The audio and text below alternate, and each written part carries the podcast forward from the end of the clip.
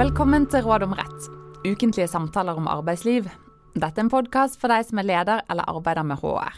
Mitt navn er Siri Fredrik Olsen, og jeg sitter som vanlig her sammen med kollega eh, og partner Ragnhild Nakling. Vi er begge advokater i advokatfirmaet Reder og jobber hver dag med arbeidsrettslige spørsmål. Temaet for dagens podkast det er Tvisteløsningsnemnda, Diskrimineringsnemnda og Trygderetten, som er organer som ligner på domstoler, men ikke vanlige domstoler. Eh, og dette er innenfor områder som på ulike vis berører feltet vårt. Så først ut er Tvisteløsningsnemnda.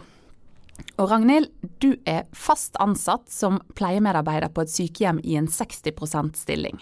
Det siste året har det vært hektisk på sykehjemmet, og du har måttet jobbe lange vakter, mange ganger flere timer utover avtalt arbeidstid. Og etter å ha sett gjennom timelisten din for det siste året, så oppdager du at du faktisk har jobbet det som tilsvarer en 85% stilling, selv om du da bare har en 60% stilling. Dette har egentlig passet deg greit, og du har vært fornøyd med å få mer arbeid. Men så blir du tipset av en kollega om at du faktisk kan ha rett til å få en 85 stilling fremover, siden det har vært din faktiske arbeidstid det siste året. Så etter å ha lest litt i arbeidsmiljøloven, finner du fram til paragrafen 14-4a, der det står at deltidsansatte som de siste tolv måneder jevnlig har arbeidet utover avtalt arbeidstid, har rett til stilling tilsvarende faktisk arbeidstid i den perioden. Og da er det med mindre arbeidsgiver kan dokumentere at det ikke lenger foreligger et sånt behov for merarbeid. Perfekt, tenker du.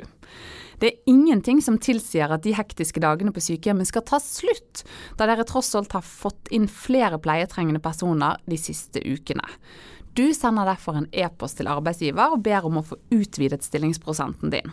Noen dager senere så får du avslag fra arbeidsgiver som hevder at det ikke lenger vil være behov for merarbeid fra deg i månedene fremover.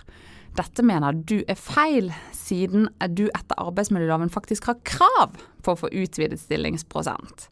Er kontakt med sjefen på arbeidsplassen siste mulighet til å bli hørt, eller finnes det andre måter du kan få fremmet din sak på uten å måtte gå til de vanlige eller ordinære domstolene?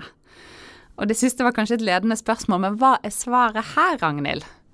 Svaret er ja. I denne saken så kan arbeidstakeren få vurdert saken av noen som er utenfor kontorets fire vegger, men som heller ikke er en domstol. Fordi personen kan kontakte det som heter Tvisteløsningsnemnda, og som er tema for dagens episode. Så kan du gi oss en generell introduksjon til hva Tvisteløsningsnemnda Hva er det for et organ? Ja, altså Tvisteløsningsnemnda det er et uavhengig forvaltningsorgan. Det er altså ingen domstol. Og det ble opprettet i 2006. Det de skal gjøre, det er at de skal avgjøre tvister etter arbeidsmiljøloven. Ikke alle, noen spesifikke. Vi kommer tilbake til det. Og fra 2018 så fikk de utvidet myndighetsområdet sitt til at de også skal om, altså behandle saker som tidligere var i det som ble kalt Bedriftsdemokratinemnda. Så de har fått mer å gjøre da, de siste fire årene. Ja, og vi kan jo da kort nevne at Bedriftsdemokratinemnda er jo, eller var jo da, en nemnd som typisk håndterte spørsmål knyttet til dette med ansatterepresentasjon i styrer, som er tema for en tidligere episode. Eh, men hvis vi da skal snakke om tvisteløsningsnemnda, hva behandler denne nemnda nå? Hva slags type saker? Det de behandler, det står i arbeidsmiljøloven selv. Det står i arbeidsmiljøloven 17.2. Eh, det er tvister om rett til å bli fritatt fra overtidsarbeid eller nattarbeid. Det er tvister som gjelder rett til redusert eller fleksibel arbeidstid, for det har man jo også krav på etter arbeidsmiljøloven i noen situasjoner. Og de behandler rett til permisjon og fortrinnsrett for deltidsansatte. Og nemnda de kan behandle, behandle alle sider av disse sakene. Og det betyr at du da, Ragnhild, som nå er arbeidstaker på et eh, sykehjem og krever utvidet stilling, det betyr at du kan fremme eh, saken din for tvisteløsningsnemnda, er det riktig? Ja, det stemmer. Og det er både denne personen, arbeidstakeren, kan bringe det inn for nemnda, men det kan også arbeidsgiver gjøre. Og de som også kan gjøre det, det er lokale fagforeninger. Og hva er fordelen med å ta en sak for denne tvisteløsningsnemnda? Mm, Istedenfor å ta den, hva skal vi si Typisk for domstolene? Ja, Ja. Det ene som er en hva skal vi si, en fordel da, det er jo at de skal i utgangspunktet, og sånn tror jeg det som oftest fungerer i praksis òg. Det skal være raskere, det skal være smidigere, og kanskje en mer spesialisert behandling av konflikten enn det det i hvert fall kan være i domstolsapparatet. Eh, og også bedre enn hvis det hadde vært en ren administrativ håndheving, da, eh, av et forvaltningsrettslig enkeltvedtak. Uh, og dessuten så er det jo det er enklere å ta inn en sak til en nemnd og sende inn en klage, enn det er å gå til sak, ta ut stevning og sette i gang hele, hele den prosessen. Så vi kjenner jo dette med nemnder, kjenner man jo fra områder utenfor arbeidsrettens verden også. Det er jo en mye brukt funksjon eller organ i Norge, og som skal i hvert fall forsøke da å gjøre det mer effektivt og enkelt å ivareta veldig legitime behov for å få avgjort hva er riktig i denne saken. Jeg forstår, og det krever jo, som du er inne på, en del tid og ressurser eh, å reise en sak for en ordinær domstol. Men så hva skjer da etter at man har sendt inn eh, saken til tvisteløsningsnemnda? Hva er gangen videre? Ja, Gangen videre er jo faktisk ikke så ulik eh, hvis man sammenligner med prosessen for domstolene. Eh, I hvert fall sånn i hovedsak, fordi når tvisteløsningsnemnda har mottatt en sak, så oversender de det brevet eller det som har kommet inn til motparten. Og da skal motparten kunne kommentere akkurat sånn som når det er en rettssak og man skal svare med tilsvar. Og når sekretariatet syns at saken er tilstrekkelig opplyst, det kan jo være et definisjonsspørsmål, men så berammer man den for behandling i et møte i nemnda. Ok, sånn at hvis du da har sendt inn eh, en klage til eh, tvisteløsningsnemnda, så må du egentlig bare sitte og vente i spenning til nemnda tar en avgjørelse, er det sånn? Ja, det er egentlig sånn. Det er skriftlig fremstilling. Det er den dokumentasjonen man setter, eh, sender inn til nemnda, som de behandler saken på bakgrunn av. Og da er man normalt ikke til stede på noe møte. Eh, de, de, kan kalles inn, men vanligvis så, så, gjør man ikke det. Og så avhenger du av altså, hvor lang tid det tar. Det er jo veldig forskjellig fra sak til sak, men mellom tre og seks måneder er nok det normale før man får en avgjørelse. Og hva skjer etter at saken er blitt ferdig behandlet i nemnda? Hvis f.eks. arbeidsgiver eller arbeidstaker får medhold, hva skjer da? Ja, da, Det som er truffet, det er et, et, vedtak da, i forvaltningslovens eh, forstand. Og da skal man begrunne det. Det følger jo av reglene i forvaltningsloven, og også i reglene om tvisteløsningsnemnda, som man finner i en egen forskrift som heter Forskrift om tvisteløsningsnemnd etter arbeidsmiljøloven. Um, og dette vedtaket det sendes til begge parter, uh, så legges det ut i en anonymisert versjon. Og ja. Men da, hvis du da, Ragnhild, da, hvis du som eh, arbeidstaker ikke er fornøyd f.eks. For med det resultatet som tvisteløsningsnemnda har kommet til, hvilke muligheter har du da? Kan du anke, kan du få prøvet det spørsmålet på nytt? Ja, Det du i hvert fall ikke kan, er å klage. Og noen av de som hører på oss, kjenner jo kanskje til vedtak, og vet at vedtak som i utgangspunktet kan påklages. Men det kan ikke vedtak fra tvisteløsningsnemnda. Det følger av forskriften, men man kan ta saken til domstolene. Og da må man gjøre det innen åtte uker fra du fikk beskjed om hva nemnda hadde kommet til. Så ja, og da, da er domstolens kompetanse den, de kan ikke ba, Det er ikke sånn at de bare prøver lovligheten, de kan ta en full prøving av, av tvisten. Men man skal jo da tenke seg nøye om før man går til domstolene med, med saken. Takk. Eh, da har vi sagt litt om tvisteløsningsnemnda. Eh, og så tenker jeg at vi går over til neste case og neste nemnd, for det er flere vi skal rekke. Eh, og nå har du havnet i en helt annen situasjon, eh, og på en annen arbeidsplass, Ragnhild. Du har jobbet noen år som vikarierende teamleder i et reklamebyrå, og nå har det åpnet seg en fast stilling som teamleder på avdelingen. Altså den stillingen du har vært vikar for. Og før du skal ut i fødselspermisjon, deltar du i en søknadsprosess på denne stillingen. Og under intervju med sjefen så får du en rekke spørsmål om din graviditet og lengden på fødselspermisjonen din. Og noen dager senere så får du beskjed om at du ikke har fått stillingen, men at en annen intern kandidat har blitt ansatt. Når du spør om en begrunnelse fra sjefen hvorfor ikke du fikk denne jobben, så får du følgende svar. Dere var tre kvalifiserte søkere. Ut ifra en helhetsvurdering er vi kommet til at vi ikke kan tilby deg stilling som teamleder ved avdelingen. Altså ikke så mye informasjon å få her. Du reagerer veldig på prosessen, og på at din graviditet og lengde på fødselspermisjon var et så sentralt diskusjonstema i dette intervjuet. Du lurer på om du har blitt diskriminert pga. graviditet og eller det at du skal ha fødselspermisjon, siden du ikke fikk denne faste stillingen som teamleder, til tross for din erfaring og kunnskap eh, du har fra rollen. Du har hele veien fått positive tilbakemeldinger på den jobben du gjør som vikarierende teamleder. Og du tenker at du er bedre kvalifisert enn hun som endte opp med å få den faste stillingen, fordi at hun har jobbet med noe annet tidligere. Så Ragnhild, hvor kan du henvende deg nå? Nei, nå skal vi til Diskrimineringsnemnda, en annen nemnd. Eh, fordi det denne personen lurer på, rent sånn rettslig, da, det er jo om paragraf 6 i likestillings- og diskrimineringsloven er brutt. For den bestemmelsen forbyr blant annet diskriminering på grunn av graviditet og foreldrepermisjon. Og det er jo ikke tillatt, da, med forskjellsbehandling, sånn som hun kanskje har opplevd. Eh, og det betyr jo igjen at alle saker som angår arbeidsrettslige forhold, ikke nødvendigvis går til denne tvisteløsningsnemnda vi har snakket om, når du nå snakker om eh, diskrimineringsnemnda? Ja, det er helt riktig, og tvisteløsningsnemnda har egentlig en litt begrenset eh, kompetanseområde, eller det er begrenset saker de behandler, står i 17.2 i arbeidsmiljøloven. Og nemnda, den, den, vi snakker om nå, da, diskrimineringsnemnda, den behandler saker som klages inn om diskriminering, trakassering, Eh, og gjengjeldelse i noen tilfeller. Og det er jo et ganske aktuelt tema alt sammen, og dessverre må man vel si ikke, ikke helt sjelden at, at, de spørsmålene i hvert fall oppstår. Eh, så nå har vi snakket litt om hvordan eh, saksbehandlingen var i denne tvisteløsningsnemnda. Så kan ikke du også si noe om hvordan eh, diskrimineringsnemnda er bygget opp, og hvordan er saksbehandlingen i denne nemnden?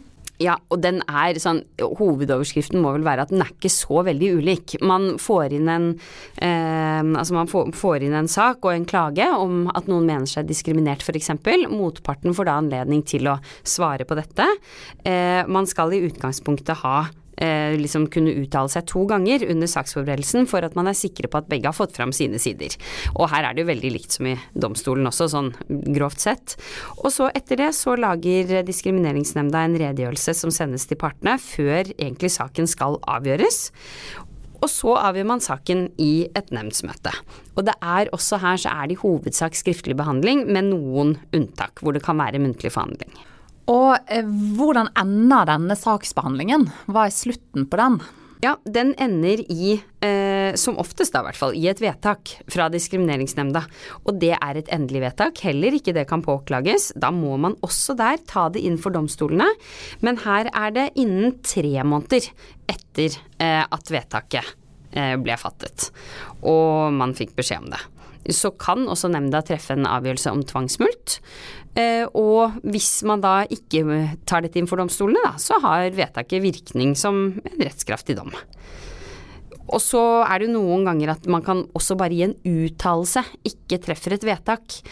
Og der er, det, der er det ikke så mye man kan gjøre hvis det kommer en uttalelse, men man kan klage uttalelsen inn for Sivilombudsmannen, som det het før, og som jeg holdt på å si, men Sivilombudet.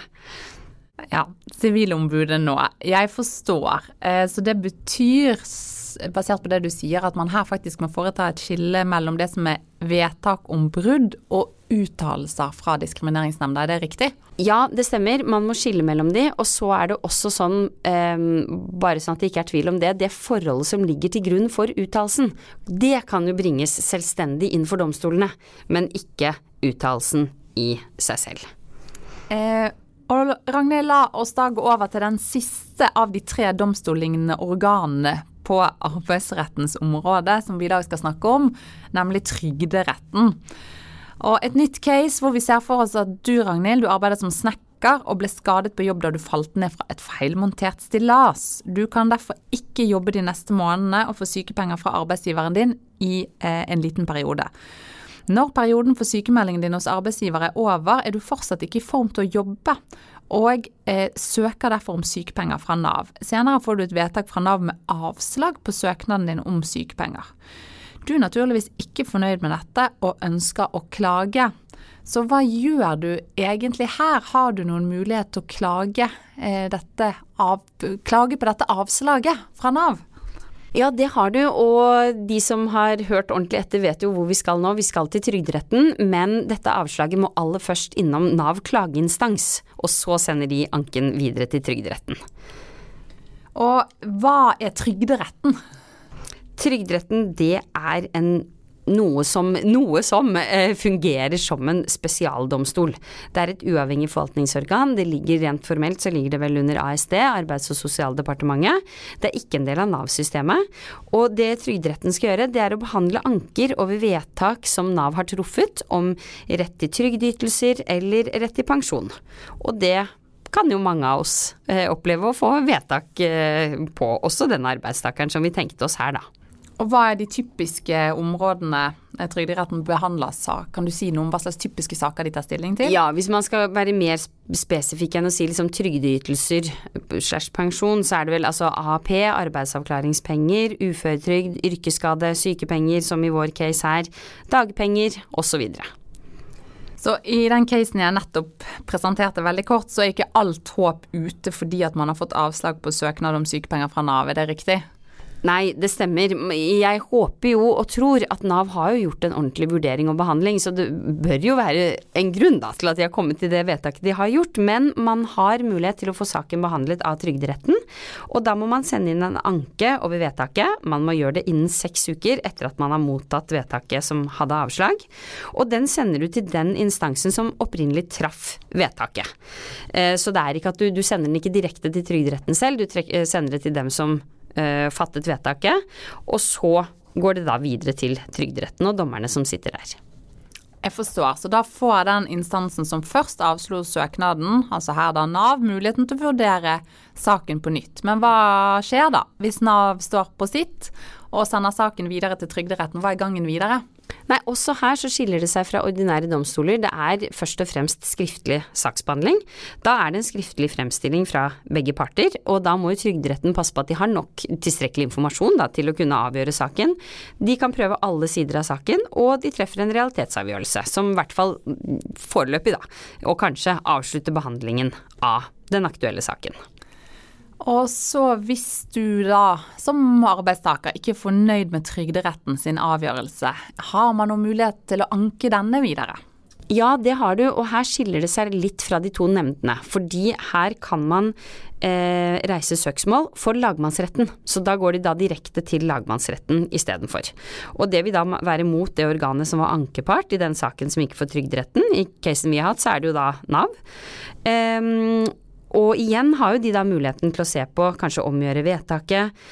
Og så er man jo da i, eh, i lagmannsretten, da, som ser nærmere, på, ser nærmere på det. Og de kan jo også komme til at Trygderetten sin kjennelse kanskje var ugyldig.